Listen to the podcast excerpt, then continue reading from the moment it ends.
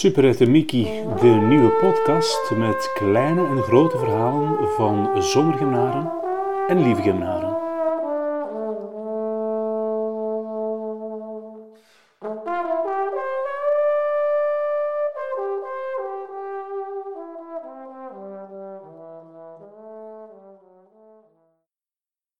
Goedemorgen, de eerste podcast van Superette Mickey. En we hebben direct al een, eh, een in de studio.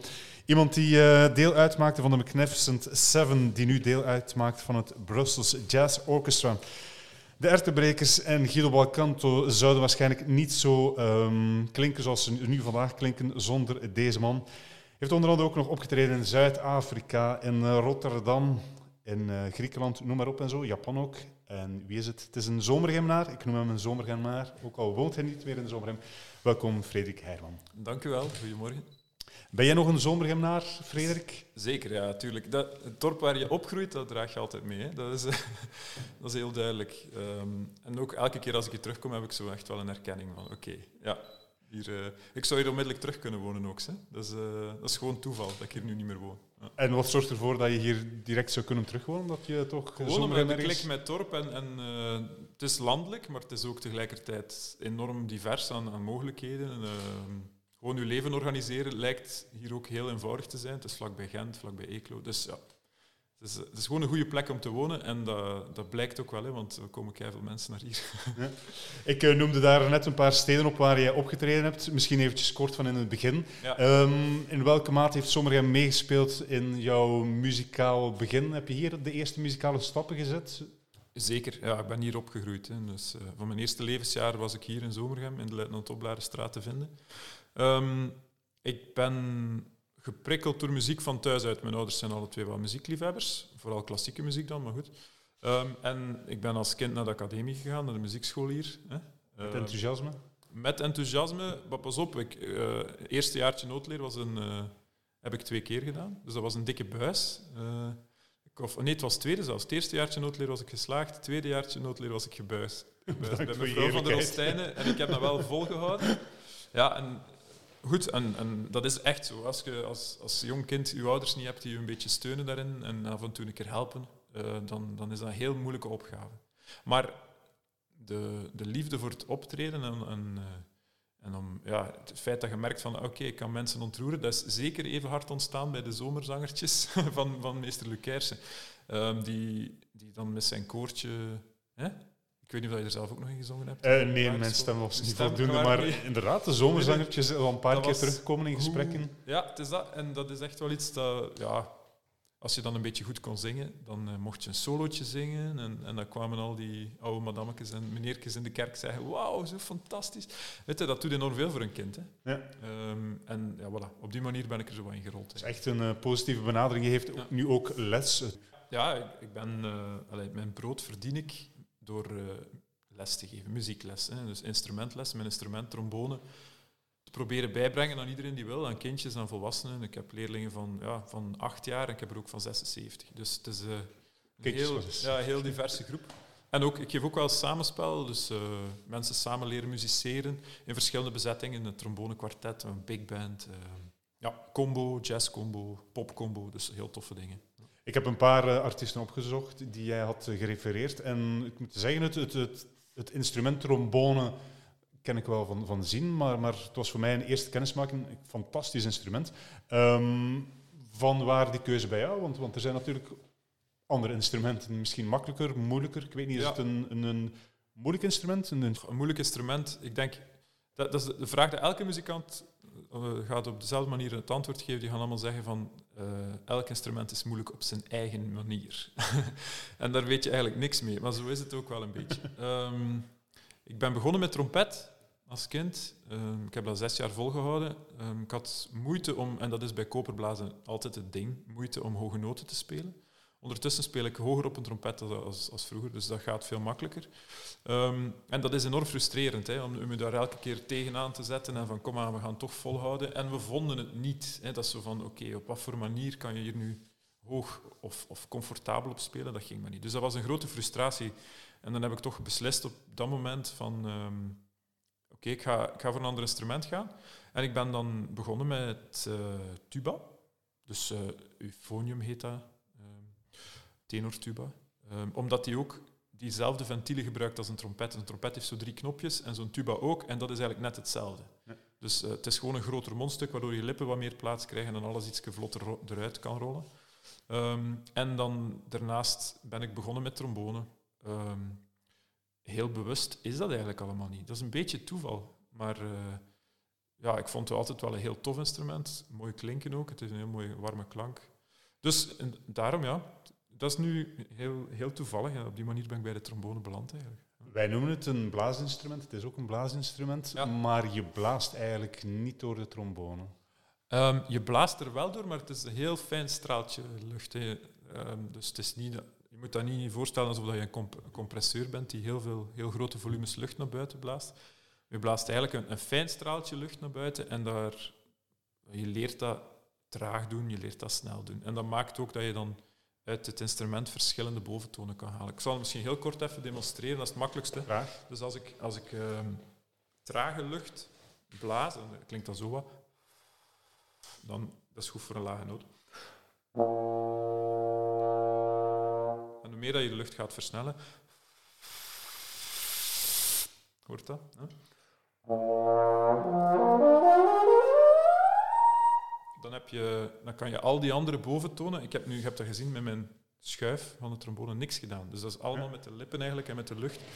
Uh, leer je dan die, die noten spelen. Ja, um, en dat is eigenlijk het moeilijkste ook ineens aan mm koperblazen. Dat je um, met je lippen en met je luchtademsteun zoveel moet gedaan krijgen om het instrument te kunnen bespelen. Dus wel, dat, dat, dat, dat duurt wel een tijdje. Je, je, spreekt nu over de beginjaren, de keuze trombone, een beetje toevallig misschien eerder. Op welke manier ga je dan eigenlijk een eigen identiteit ontwikkelen? Want je, je hebt bij verschillende genootschappen gespeeld, verschillende artiesten ook gespeeld, verschillende plaatsen, verschillende samenstellingen. Ja. Maar op een bepaald moment komt daar toch het stemgeluid van Frederik Herman naar boven. Hoe ontwikkelt zich dat? Dat, dat, is, uh, dat is sowieso een onbewust proces. In eerste instantie, als je het instrument leert spelen, heb je zoiets van: oké, een trombone moet min of meer zo klinken, uh, zo warm, uh, mag niet, uh, niet te agressief, niet te. Ja. Je een, mooi geluid produceren. En dan na verloop van tijd leer je toch wel om, om jezelf uit te drukken. Um, of ja, om, om bepaalde emoties erin te leggen. Um, maar dat is dat is, ja, dat is eigenlijk gewoon omdat je zodanig verbonden bent met het instrument en, en er zodanig een klik mee hebt, dat, dat, dan gaat dat vanzelf. Daar hoef je niet veel over na te denken. Dat is net als bij spreken. Iedereen gaat direct zien en horen naar jou hoe dat je je voelt. Um, en dat is bij, bij een instrument ook zo. Je, je, drukt eigenlijk uit wat er van binnen allemaal gebeurt. Mhm. En is dat dan ook het, zoals je jezelf voelt uh, dagdagelijks? Neem je dat dan mee in de expressie naar je muziek toe? in, in optredens? In, in, uh... als, als de gelegenheid zich voordoet, wel. Hè. Um, maar dat is zeker niet altijd zo. Bijvoorbeeld als je bij, ik zeg maar iets, bij Natalia in de blazersectie staat, dan moet je altijd uh, super happy klinken. En dan kun je niet zeggen, ik heb een off day, ik ga vandaag een beetje timide, timide trombone toeteren. Dat gaat niet. Dus het hangt af van de setting. Als je in een kleine bezetting speelt en, en het is ja, akoestische muziek met een paar violen en zo, dan gaat dat vanzelf. Dan kun je die, die treurige sfeer die, die, treurige gevoelens die je eventueel zou hebben, die kan je dan wel gemakkelijk kwijt. Dus het hangt echt enorm af van de setting. Mhm. En, en het kan ook andersom beïnvloeden. Hè. Dus het kan ook jou blij maken om, om happy muziek te spelen en het kan jou ook uh, tot rust brengen om droevige muziek te spelen. Je sprak daarnet, het optreden is hetgeen waar je heel veel plezier uit haalt. Ik had uh, net een foto gezien. Um, ja, we leven in toch wat, iets, wat speciale tijden. Ja, um, wat zie je op de foto? Op de foto zie je eigenlijk jullie uh, aan het repeteren, maar ja, ja, jullie staan daar op een podium heel ver uit elkaar, met een tiental, vijftigtal mensen. Hoe ga je eigenlijk, um, tweeledig een beetje de vraag, enerzijds er zelf persoonlijk mee om, dat er nu toch wel speciale tijden zijn in repeteren toe. Ook het groepsgevoel dat misschien een andere dynamiek heeft. En je sprak daarnet ook over het instrument dat eigenlijk wel coronaproof is. Of, of, ja. Ja.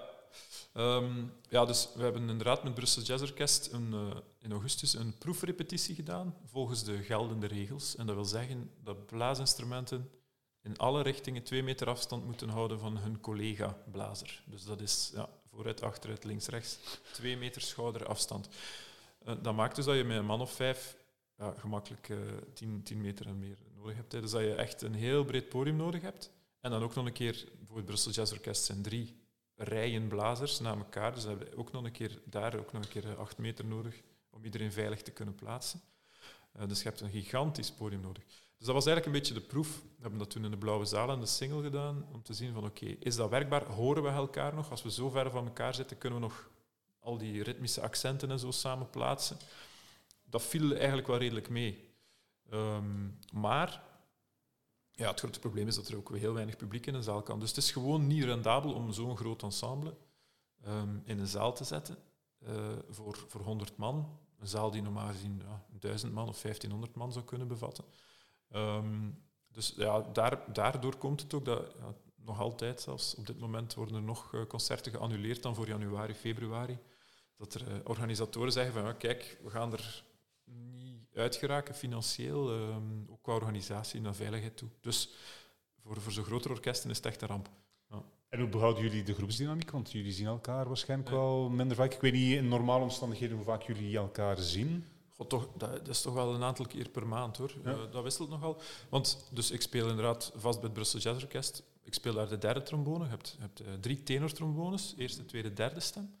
Uh, en een, een, vriend van mij, een collega, speelt ook derde trombone. En wij wisselen zo wat producties uit. Dus we zitten vast in het orkest, maar part-time eigenlijk. Uh, en dat maakt ook wel, de eerste trombonist of de tweede laten zich af en toe vervangen dat wij dan even eerste of tweede spelen. Dus dat, is ook tegelijkertijd heel tof, dat je niet altijd op derde zit, maar ook wel een keer de lead, de eerste stem mag spelen. Wat toch altijd veel meer een uitdaging is. Um, maar dan om, over die, groepsdynamiek te spreken, ja, dat is, dat is een lastige. Um, er is gelukkig een WhatsApp-groep van het orkest waar, waar de, de, meeste ongeinen, je kent dat wel, hè, ja.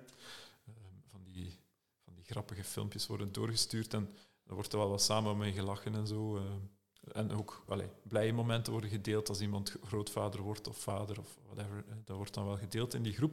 Want het is natuurlijk niet hetzelfde als samen na een concert uh, iets te kunnen drinken. Hè, gemak. Dat is uh, iets wat je de laatste jaren... Jij zit bij Brussels Jazz sinds 2005, 2006. Ja. Dus ja, dat is ongeveer een, een vijftiental jaar, kleine vijftiental jaar dat moet echt wel een groepsgebeuren geweest zijn, een soort een beetje een, een, een sportploeg, van een, een rockgroep die, die rondtoert met, met een, eh, een soort, moet ik het zeggen, een coach bij of, of geen coach bij. Uh, Leidt dat dan iemand een beetje een goede baan, los van het podium? Uh, zeker, je hebt, hebt, een artistiek leider, Frank Vagene, die, die uh, is, is er heel goed in om de groep inderdaad alle neuzen in dezelfde richting te krijgen, iedereen het beste, op de best mogelijke wijze te laten spelen. Uh, dus die kan dat heel goed. Die leidt ook de repetities. Maar op het moment dat er dan uh, concerten gespeeld worden, dan telt hij meestal niet af, dan is het onze drummer. Dus onze ja. drummer is eigenlijk de dirigent, zoals je dat in een klassiek orkest kan zien. Die, die, uh, ja, die, die telt de tempo, tempi in en wij, wij beginnen dan te spelen. Wij weten van oké, okay, twee, twee maten drums of gewoon vier tikken en we beginnen eraan. Um, dus dat is een beetje hoe dat werkt. Um, wacht, er was er nog een stuk van de vraag. Ja, ja, dat coronaproof zijn. Um, er zijn verschillende testen gebeurd, een beetje, ja, sommige grappige bedoeld, andere minder grappig bedoeld. Maar als je gaat kijken, bijvoorbeeld met een trombone, je mag daar zo hard inblazen als je wil, je mag heel luid spelen. Je kan er onmogelijk een kaars mee uitblazen, dat gaat niet. Ja. Nee, dus de, de luchtstroom die daaruit komt, is te verwaarlozen. Het is niet zo dat er een stroom lucht in de ruimte gecatapulteerd wordt. Um, dus ja, in dat opzicht is dat veilig. Maar natuurlijk, um, zijn er, er zijn blaasinstrumenten die minder veilig zijn. Bijvoorbeeld een dwarsfluit, dat is wel bewezen dat die de lucht verder projecteert. Dus dat die echt een fijne stroom lucht eh, tot wel zeven meter ver kunnen wegblazen. Dus dat is dan, dat is dan weer een ander verhaal. Ja. Dus een beetje elk, uh, elk instrument voor zich. Ja. Uh, even terug naar de samenwerking met de Lady Linie. Tof. Ja, een vriendenclub, conservatorium, Gent. We zijn zoals samen afgestudeerd. Um, was het echt net toevallig ook zeven, of was dat een ideaal getal? Of, of dat, waar? Ja, dat was... Ik denk, de naam is gekomen achteraf. Uh, we waren inderdaad met zeven. Ja. Um, vier blazers en drie ritmesectie en dan Lien er nog bij. Dus uh, ja, die, die bezetting was er al en dan is er iemand met de naam op de proppen gekomen, denk ik. Um, we, we, hebben daar superleuke tijden mee beleefd. Hè. En dan zijn eigenlijk nog meer, is de bal nog meer aan het rollen gekomen? Want, want ja, als ik kijk naar de, naar de lijst van, van artiesten waar jij voor uh, trombone gespeeld hebt. Dus het is immens. Hè? Uh, ik zie er op een bepaald moment zelfs een, een Jo Valli staan, de Romeo's ja, ook zelfs. Zeker, zeker. Maar het is, het is immens. Hè? Hoe, ja. hoe, moet ik mij dat dan voorstellen? Is dat dan... Um, mensen zien trombone spelen, hebben nood aan en Frederik Herman is top of mind? Of, of? Uh, ja, top of mind ben ik niet. Ik denk, mijn rol moet er redelijk, allez, op dat gebied redelijk bescheiden inschatten. Je hebt mensen die, die first call zijn voor studiosessies. Dat wil zeggen, want de namen die je net noemde, dat zijn dingen... Uh, ik werd ervoor gebeld, je gaat naar een studio, zoals wat we hier vandaag zijn. Uh, die mensen hebben muziek klaarstaan en die willen daar een streepje trombone op. En je speelt dat in en een uur later ben je buiten en je stuurt een factuurtje. Zo gaat dat. dat is eigenlijk...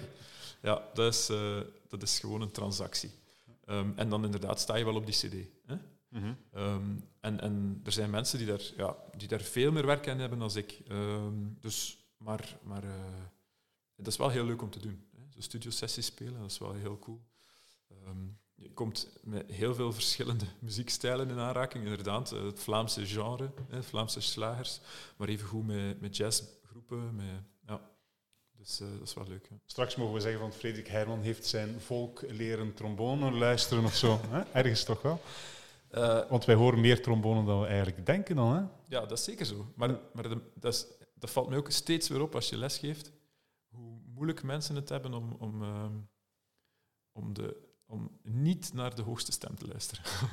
om, om te luisteren naar wat er onderaan gebeurt in de muziek. Je hebt een zangeres of een zanger mm -hmm. en die zingt een liedje.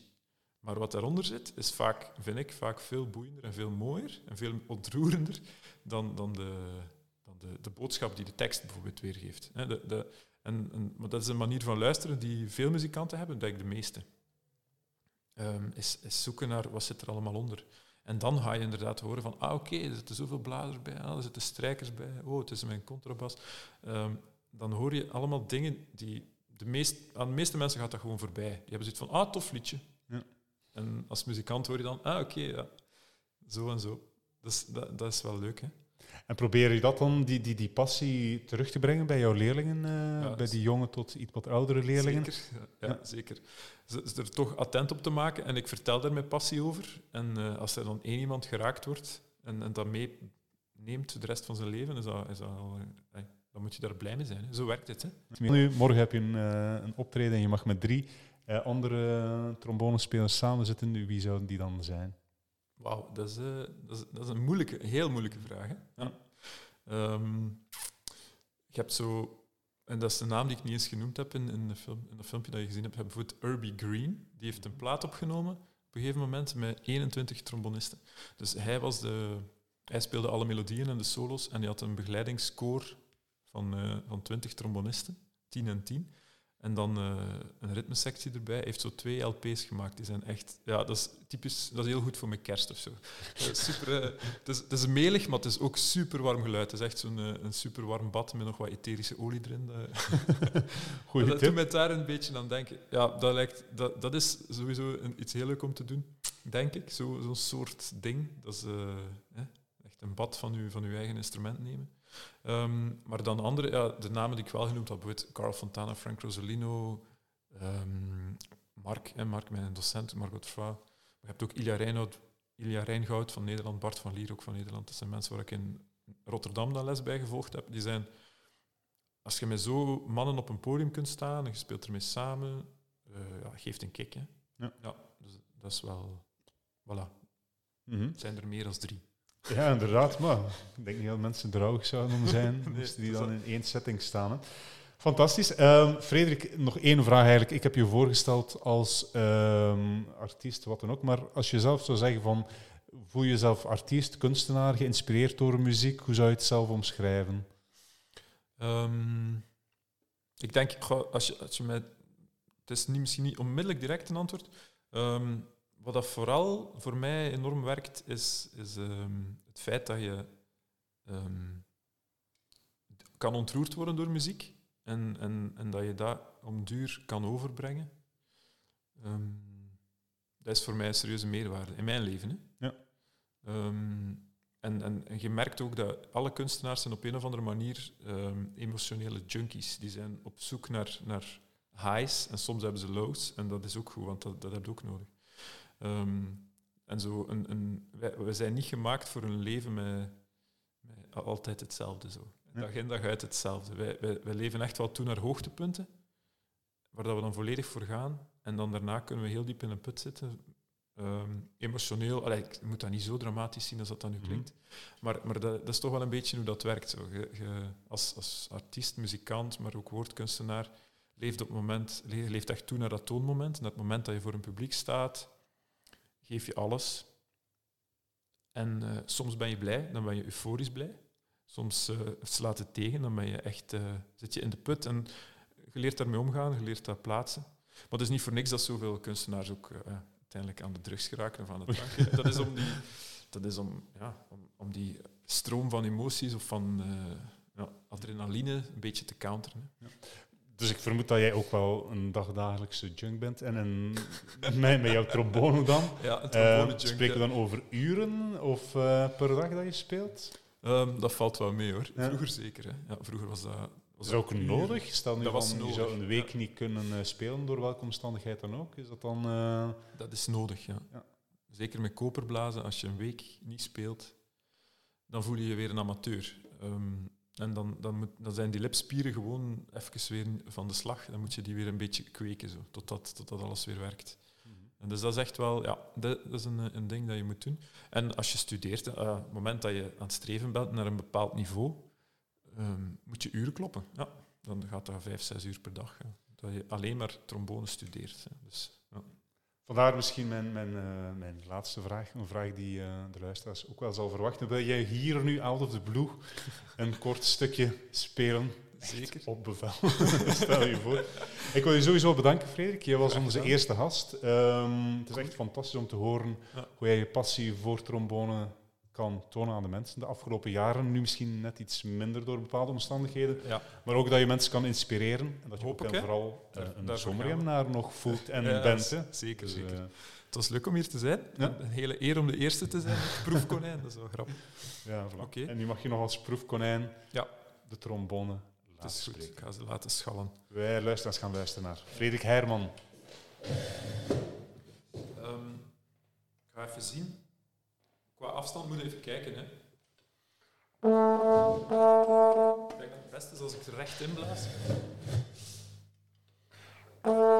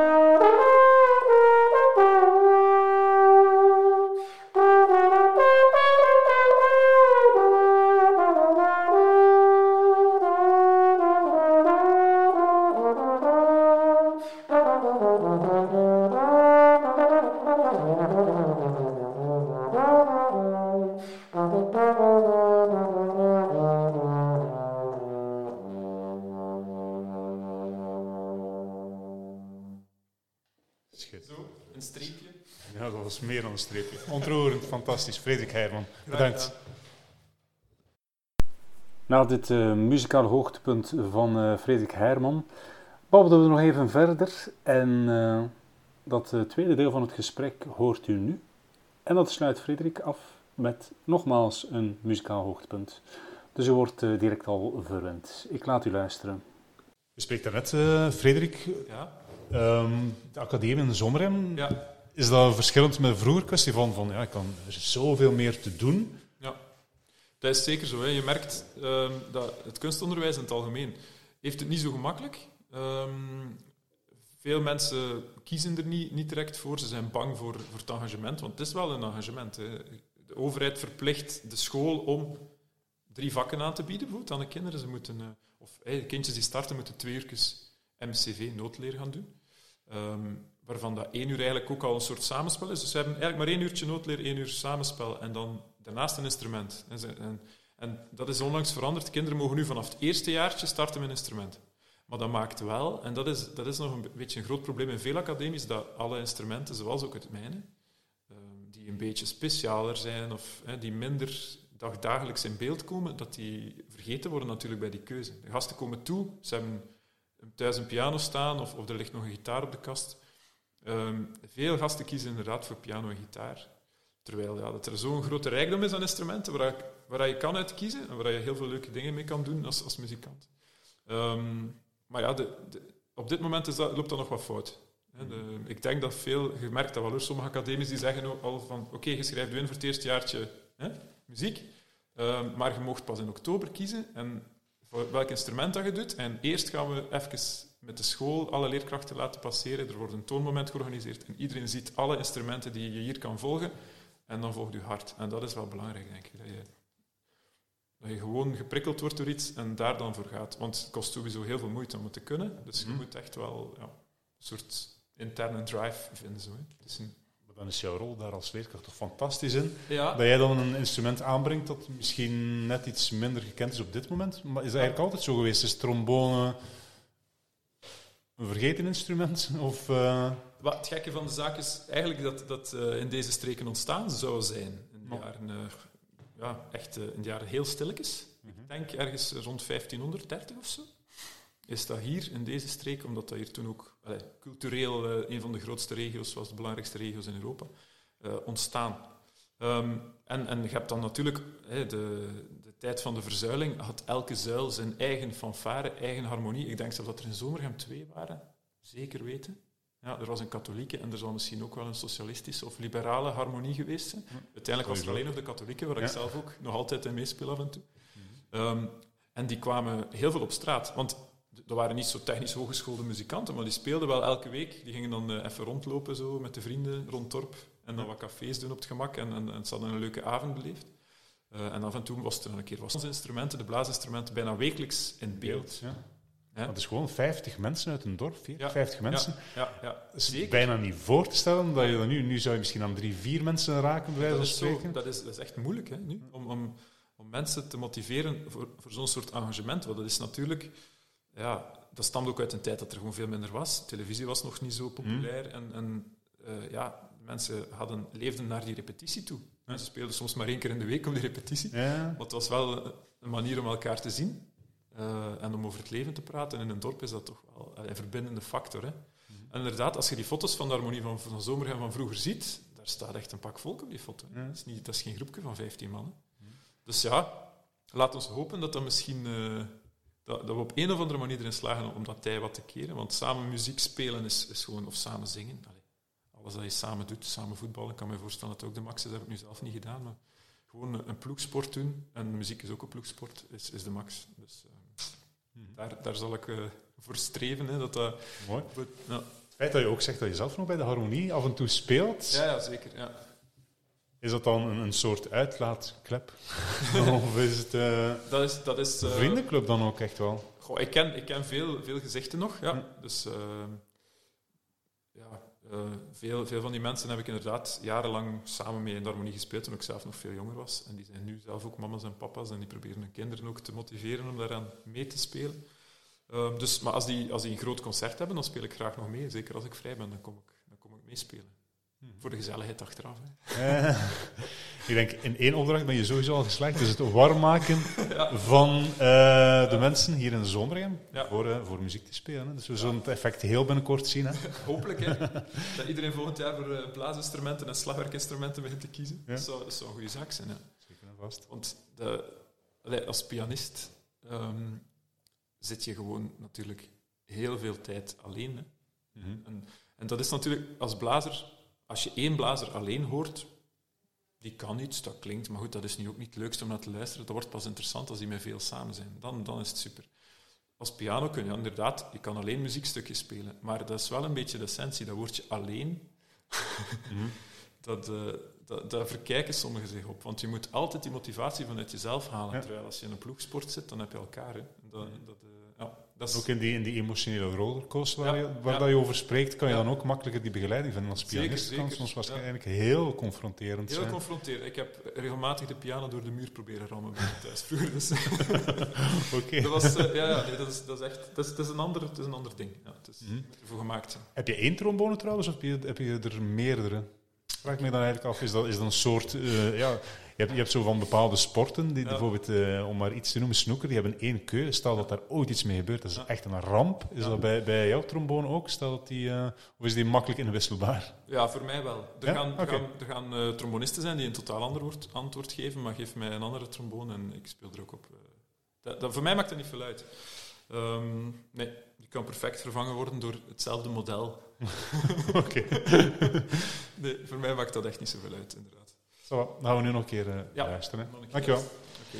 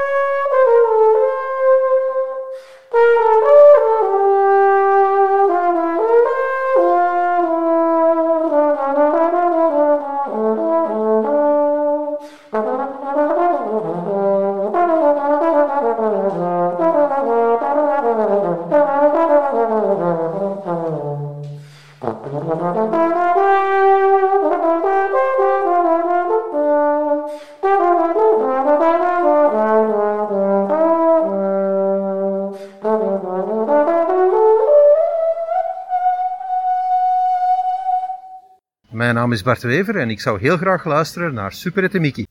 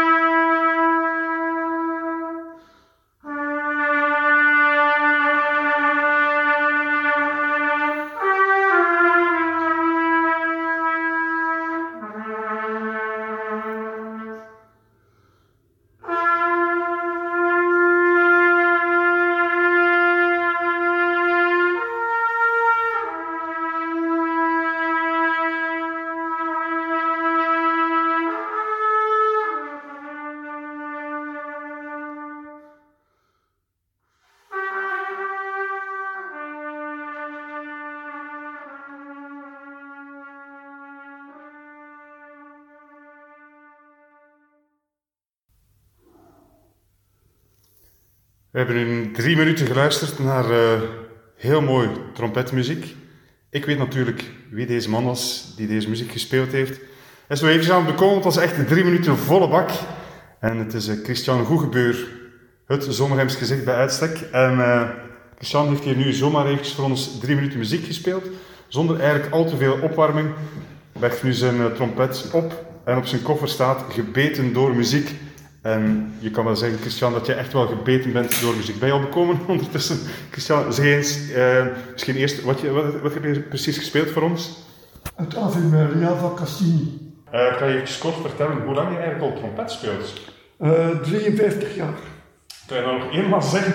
53 jaar, dat is ongelooflijk. Ja. En ben je direct, als we even terugrekenen, toen was je super jong, ben je toen direct begonnen met trompet of waren er nog andere instrumenten? Ik was 13 jaar en ik begon met bugel, dat is een ander soort trompet.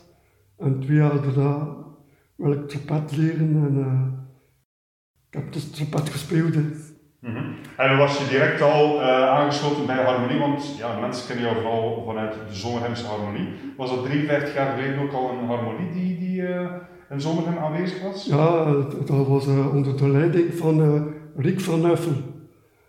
Dus je kreeg eigenlijk die trompet in je handen geduwd een beetje. Je was zelf nog niet vertrouwd van thuis uit of zo met, met mijn broer, mijn broer was al uh, was zeven jaar in de harmonie. Dat mocht niet van mijn ma, omdat ze zagen, ja, zijn daar veel te veel uh, die, die drinken, hè, bier drinken. En dat was het zo, hè, ja, café uh, Het was punk.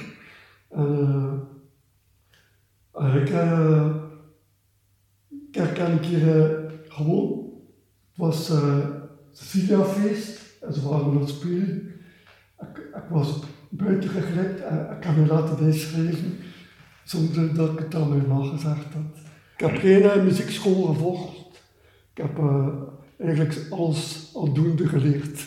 Ja, als, als je kijkt, 53 jaar later speel je nog iedere dag en is dat dan puur uh, nieuw materiaal of is dat oefenen? Wat moet ik me er eigenlijk bij voorstellen? Wel, voor uh, concerten krijgen we ongeveer tien grote werken, zo meer filmmuziek. Mm -hmm. En dan oefen ik al daar een uur, ja. een uur en een half, soms twee uur. Mm -hmm. um, kan je misschien ook nog even kort schetsen, Christian, want een harmonie, iedereen kent het woord harmonie, maar waar bestaat in principe een harmonie? Het harmonie, het vervaren. Mm -hmm. Vervaren als enkel koperblazers, koperblazers. Mm -hmm. Dat zijn trompetten en tuba's. Ja. Geen klarinetten, geen, uh, geen piccolo's, geen hout, geen hout. Ja. Het is, harmonie is alles, alles samen. Je had net verteld um, dat dit nog niet jouw toptrompet is. Er hangt wel een leuk verhaal aan vast aan je andere trompet. Kan je even schetsen uh, hoe je precies in bezit bent geraakt van, van jouw meester-trompet? Als ik uh, ja, uh, ik speel nu met een Hetsen. Dat zijn ook goede trompetten. Maar ik wil er wel een keer een Bach Stradivarius kopen. Mm -hmm. Waarschijnlijk niet zo goedkoop. dat kost wel vier, een goede 4000 euro. Mm -hmm. Nieuw. Is het was een beroepsmuzikant die naast mij op trompet speelde. Sam noemde hij. En die speelde mee een oude koperen Bar Stradivarius, vol met blutsen. Allee, een, een, enorm vuil ding, maar die klank, dat was uh, iets chemisch natuurlijk. Hè. En hij ging dan verkopen. Ik zei, ja Sam, maar, uh, maar kan ik meedoen naar huis? Misschien dat ik hem ga kopen. Hè. Uh, ik zou hoeveel moeten vandaan? 2011 zaten. Voor een niet, Euro, zo, voor niet zo goede. Ja, ja, maar de klank was wel mooi, maar uh, het vuil ding, vol met blutsen naar schatten. Ja, 60 jaar was het geen. Mm -hmm. En ja, ik speelde daar thuis op, zei hoe zou die wel kunnen. En uh, ik heb dus mijn uh, winkel gebeld bij Ronsen, waar ik een trompet kopen, bij de keizer en uh, vertelde hem dat, het verhaal. En uh, Jan zegt, ik heb hier een splinternieuwe Bar Stradivarius, dezelfde. Dat is er één keer op gespeeld. En morgen mij voor 1700 euro. Terwijl dat je binnenkwam met een andere Stradivarius in niet zo goede toestand die jou 2500 euro zou gekost Ja, ja, ja, ja. En eh, was, het was maar één keer opgespeeld. En eh, ik zei, hoeveel ging dat kost nieuw? 4000 euro. Ik zei tegen mijn zoon, ik zei, oh, zij naar Ronsen. Direct naar en gekocht. En uh, eh, En heeft die Sam jou horen, horen? Dus, met, die, met jouw nieuwe Stradivarius. Eh, ik stak mijn Stradivarius in die koffer van mijn hetsen, omdat ze toch wel eh, op elkaar leken. Ik wilde daar eigenlijk zo niet veel mee stoeven. Eh, maar Sam had het wel gehoord. Hij had ik gezien, zei dat tegen mij. Ik zei, ja, een hetsen. Oh, dat, dat, dat, dat een bar Stradivarius. Dat is weer nog wel gekubbeld. Zij had dat winnen, zo. Hmm. Ja, en zo eh, is het verhaal van mijn baas Stradivarius. Mooi. Eh, wij hadden hier vorige week eh, Frederik Herman. Je kent Frederik, vermoed ik. Ja, zeer goed, zeer goed. Ehm, hij is nu, of ja, al heel lang speelt hij vooral trombone. En ook wel individuele solos natuurlijk. Ehm, wat een beetje het verhaal is dat Frederik mij vertelde, wat ook wel opviel, is dat de- hij noemt zichzelf een emotionele junk. Eh, wat doet hij er eigenlijk mee? Dat je eigenlijk als artiest een beetje drijft op je emoties en dat je van daaruit ook wel muziek speelt. Heb je dat ook? Want Ja, ik vermoed, je, je speelt al 53 jaar muziek. Het leven heeft jou waarschijnlijk ook niet altijd gespaard. Nee. Ehm uitzicht dat dan in, het, eh, in, in, eh, in jouw muziek? Wel, als, als ik speel, is volledig eh, mijn eigen zelf emoties, ja. Misschien heb ik met mijn ogen toegespeeld, vol mijn gevoel, dat, die melodie gespeeld. En zo moet je sp- spelen, hè, met gevoel. En uh, tot kun je muziek maken. Mhm. en, en zijn er momenten geweest in die 53 jaar dat je de trompet even langs de kant gelegd hebt? Ik kan me voorstellen, als je dagdagelijks speelt, dat het soms ook wel een beetje een gevecht kan zijn. Hè? Ja, het gaat, dat gaat niet altijd eh, goed. Maar eh, ik, zit, ik zit wel met eh, een, een bed boven. Ik had geen enkele tank niet meer. Wat waarschijnlijk praktisch. Dus het was gedaan met spelen. Hè. Zonder tanden kunnen we niet spelen. Dus vroeger speelde ik met zo'n plaksken met wat tandjes eraan. Ik heb daar veel problemen mee gehad, dat er loskwam over zoiets. Dus, eh, dus ik had geen enkele tand meer. Maar eh, dat is heeft ons gezegd, er bestaat iets met implantaten. Het was een, vast gebed, knal, knalvast. Kost wel veel geld, een eh, 13.000 euro, waar dat je niets van weer krijgt. Mhm. Ik zei, doen! en dat heeft eh, toch twee jaar en een half geduurd, dat dat, eh, dat gewoon was. En tot heeft het toch nog, ik heb dus alle dagen al drie uren geoefend thuis, want ik kreeg, kreeg geen not niet meer uit. Mhm. Dus ik heb blijven volhouden. En eh, dat is me toch redelijk gelukt. Dat hebben we kunnen horen. Je En ik wilde een doel bereiken. Like die muziek dat ik nu gespeeld heb. Ik wilde dat kunnen perfect spelen. Ik had zo'n cd's van eh, Alexander Kulis noemt dat. Ik wilde hem spelen. Ik heb al zijn cd's gekocht. En ik heb al zijn liedjes van buiten leren spelen. Waar één daarvan. Dat eh, ook. En eh, ik zei, ik wil ook zo goed zijn als hem Mhm. omdat dat zo heel romantische liedjes zijn. Ik zei, dat punt wil ik bereiken. Ik wel twee, drie uur per dag geoefend, totdat eh, die klank, en dat is oefenen, oefenen, oefenen. En eh, tot die klank eh, me aanstond. En eh, ik denk dat ik er wel alleen gelukt ben. Mhm. Maar gezien mijn leeftijd is het wel eh, een beetje moeilijk om die hoge noten aan te houden. Ja. Dus eh, ik een klein beetje lager. Meegaan met de leeftijd, aanpassen. Hè? Aanpassingsvermogen is heel belangrijk. Hè? Ehm, je, je speelt al zo lang in de harmonie. kan jij ons eventjes vertellen wat, wat er eigenlijk veranderd is? Want er is zoveel bijgekomen, kwestie van, van keuzemogelijkheden voor jongeren. Ehm, als je ons nu even terugbrengt naar het beginjaar, toen jij 13, 14 jaar was in de harmonie kwam, over hoeveel leden spraken toen, um, traden jullie wekelijks op, gingen jullie dan samen um, meedoen aan wedstrijden? Hoe, hoe verliep dat eigenlijk? In het begin was dat, dat was in uh, 1967, was dan meer uh, kermis opstappen, stappen, uh, uitstappen. Zoals er ergens een kermis was, heeft die groep uh, uitgenodigd en dus moesten we daar spelen. Dat was de straat, dat was een café in, café uit. en dat waren allemaal marsen, marsen. Ja. En uh, meer was dat zo niet altijd, maar dat was wel uh, toch drie, drie keer in de maand dat we een kermis moesten doen. En ook uh, in Zommerhem, dus met verschillende korpsen samenspelen, zo'n tap toe, dat ze dan zeggen. Dus Zommerhem had zelf ook verschillende ja, Zommerhem ook uh, kiosken. In, uh, op en waar stond? Op de markt? Op de markt. Ja. Heel vroeger, hè. maar uh, als kijk was, was ik dan niet meer, mm -hmm. Maar uh, op een bepaald moment gaan jullie toen, uh, dat was met Riek van Huffelen, toen kwam de Rudy Blondia als dirigent.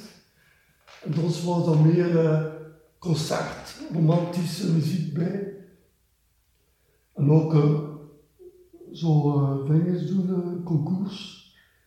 En dan was dat vierde, derde, tweede, eerste. Hè. Divisie, Divisie. Mm -hmm. En toen kwam die verhaal als dirigent. En daar uh, hebben we grote, grote, grote dingen gedaan met die verhalen. Dus dat we uitmuntend hadden, dat is nog hoger dan de eerste divisie. En toen is op een bepaald moment ook Eentje het buitenland... dan het hoogste. En ook naar veel naar het buitenland, naar, naar Praag hebben we geweest. En veel prijzen. Maar daar was het wel heel hoog. Maar dat kunnen we niet blijven over welk jaar spreekt toen dat jullie uh, toen echt uitmuntend en, en de reizen naar Praag en zo? We hebben twee cd's gemaakt met die verhalen. Mm -hmm. Welk jaar was dat? Uh, Jaren 90 of? Dat, is uh, dat toch wel tien jaar geleden bij Oké, okay, toch. Tien jaar, ja. Toch nog niet zo lang geleden eigenlijk. Hij is 18 jaar bij ons geweest. Mm -hmm. maar Dirk wilde nog hoger, maar dat is, je moet zoveel doen voor dat te bereiken, ja. voor dat aan te houden. En uh, die Johassen, dat ging ons uit. en uh, dat, dat, dat kwam toch niet naar de repetitie, en maakte het ons boos. En ja, dat, dat gaat niet, hè. Het is thuis plezier, hè. Mm -hmm. Ja, Jezelf uitdagen. Ja, ja, ja, tuurlijk. Tuurlijk. En als je dat jongetje van 13 jaar tips zou moeten geven, uh, dat toen begon trompet te spelen, dat jij was, uh, welke tips zou je dan geven? Nou ja, je moet zelf weten dat je wilt. Hè.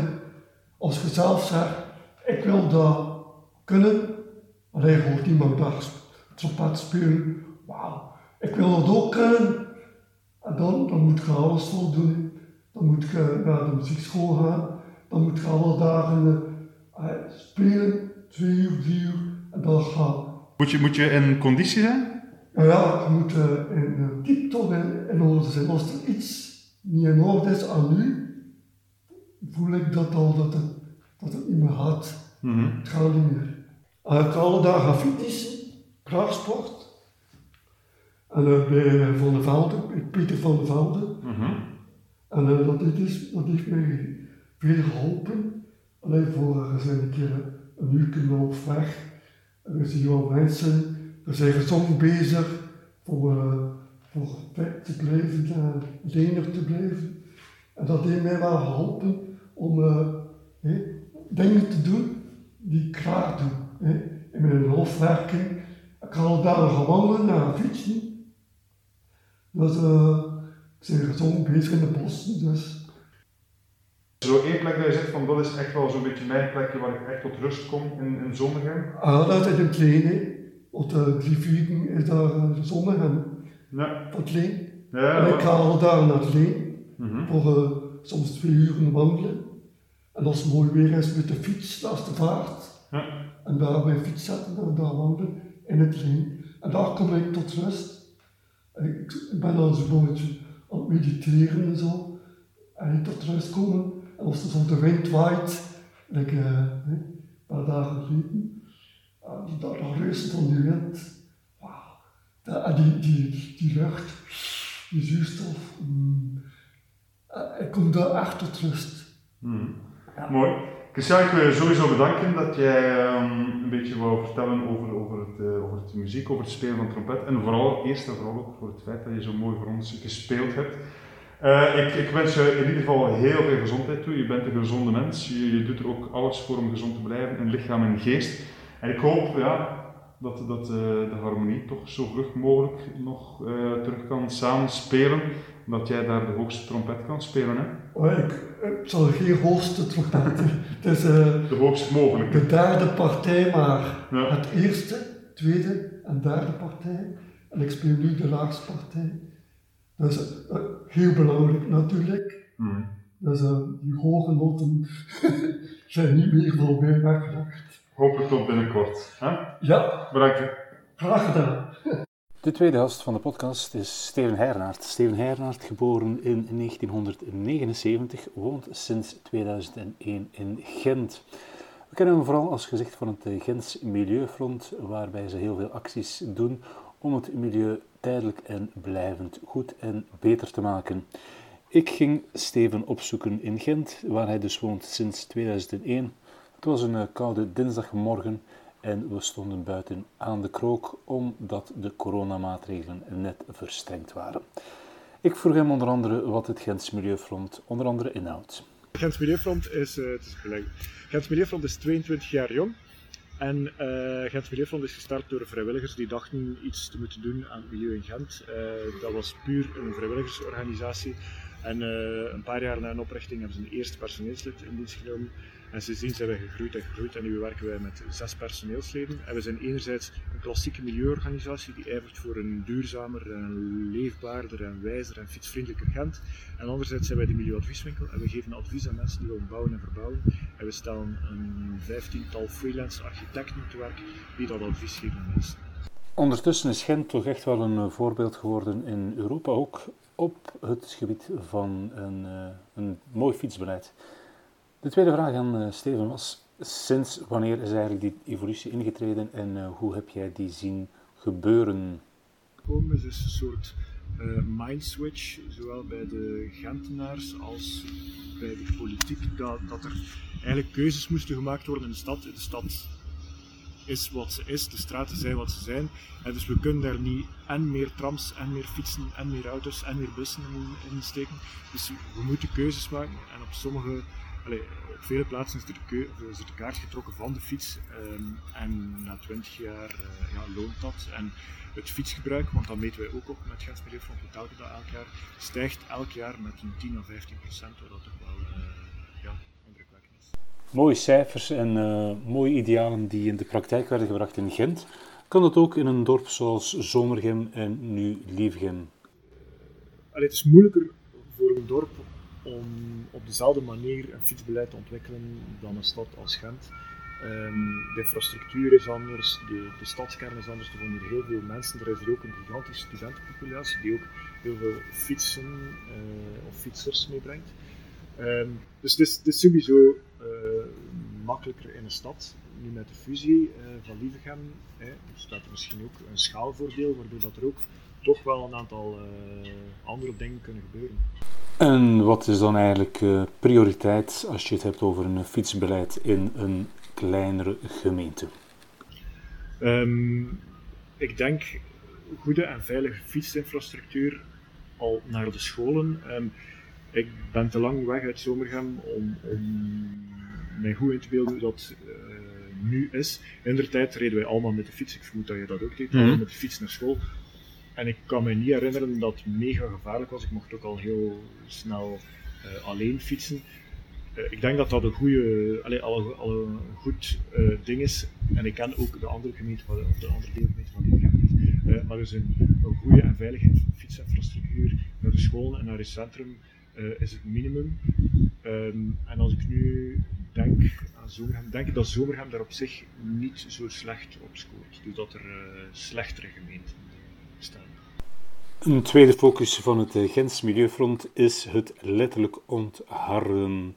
Maar wat is dat nu precies en welk initiatief doen jullie concreet daaromtrent? We zijn eigenlijk twee dingen aan het doen. Eén hebben we voortuinen in Genbrugge onthard. Um, en dat was een straat die helemaal versteend was. Hebben we samen met buren afgesproken. En hebben we daar tien voortuinen die verhard waren met dallen, zoals dat mm -hmm. in zomer gaan doen, denk ik. Uh, hebben we die uitgehaald, uh, grond uitgegraven, compost ingebracht en planten ingebracht, zodat er uh, ja, minder verharding was. In de stad is die problematiek natuurlijk nog wel groter. De stad is veel groter dan, dan de kern in Lievegem. Er is hier ook een veel grotere verharde oppervlakte. En het probleem met die verharding is, is tweeledig, is drieledig eigenlijk. Enerzijds stroomt het water die erop valt veel snel weg, waardoor je overstroming kunt krijgen. In de zomer warmt die stenenmassa veel te veel op, waardoor dat hier in de zomer soms 8 of 9 graden warmer is dan in het buitengebied. Um, en er is natuurlijk geen ruimte om planten te laten groeien um, en dus er is minder biodiversiteit. Uh, en dus daarom willen wij liever dat die steen plaats maken voor. En als de stad zo blijft opwarmen en zo ziet het er toch naar uit, ben je dan van plan om toch weer naar Zomergem terug te keren? En wat doe je zelf om de temperatuur, om het hoofd wat koel te houden ondertussen in uh, de stad? Uh, eerst en vooral, ik denk dat ik nog een tijdje ga blijven wonen in Gent.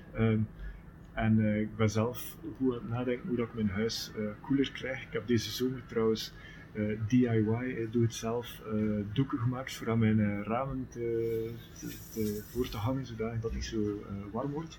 Um, en ja, er zijn natuurlijk nog meer mogelijkheden om te gaan ontharden. Maar wat wij doen is eigenlijk symbolisch en tonen aan de stad hoe dat kan. Want allee, wij kunnen dat met vrijwilligers hier en daar een plekje doen, maar het is eigenlijk de stad die daar structurele maatregelen moet nemen.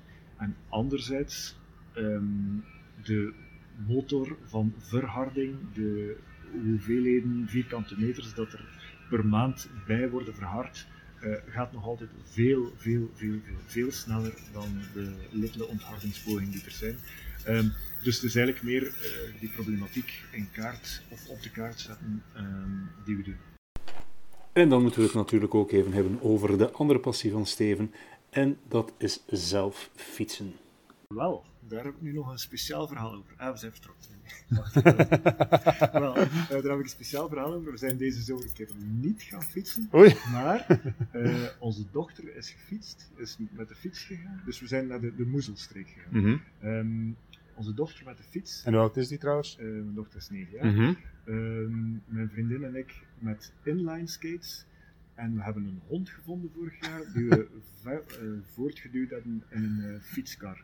Dus uh, twee skaters die een kar voortduwen en dan iemand op de fiets. En we hebben dan 300 kilometer gefietst van plaats naar plaats en elke avond ergens anders Ja. geslapen.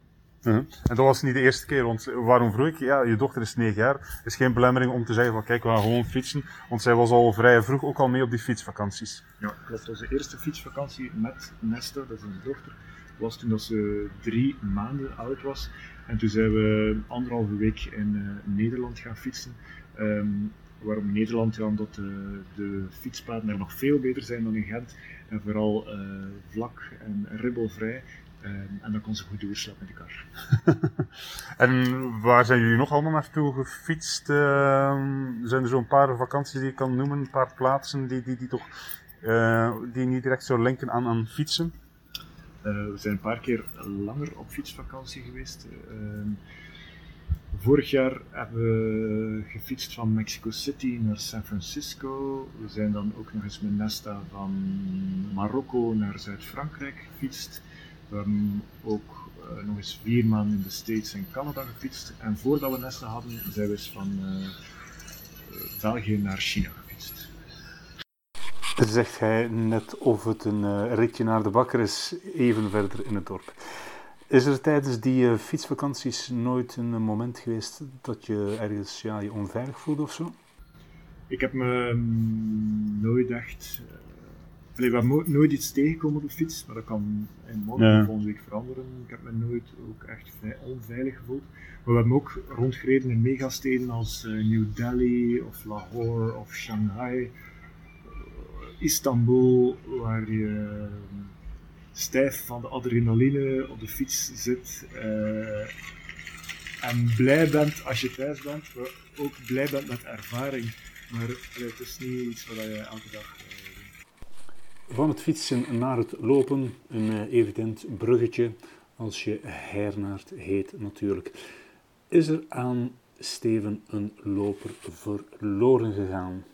Ik, ik heb loopschoenen en eh, ik ga af en toe lopen, maar het is met heel lange tanden. Dus ik, ik eh, loop niet graag.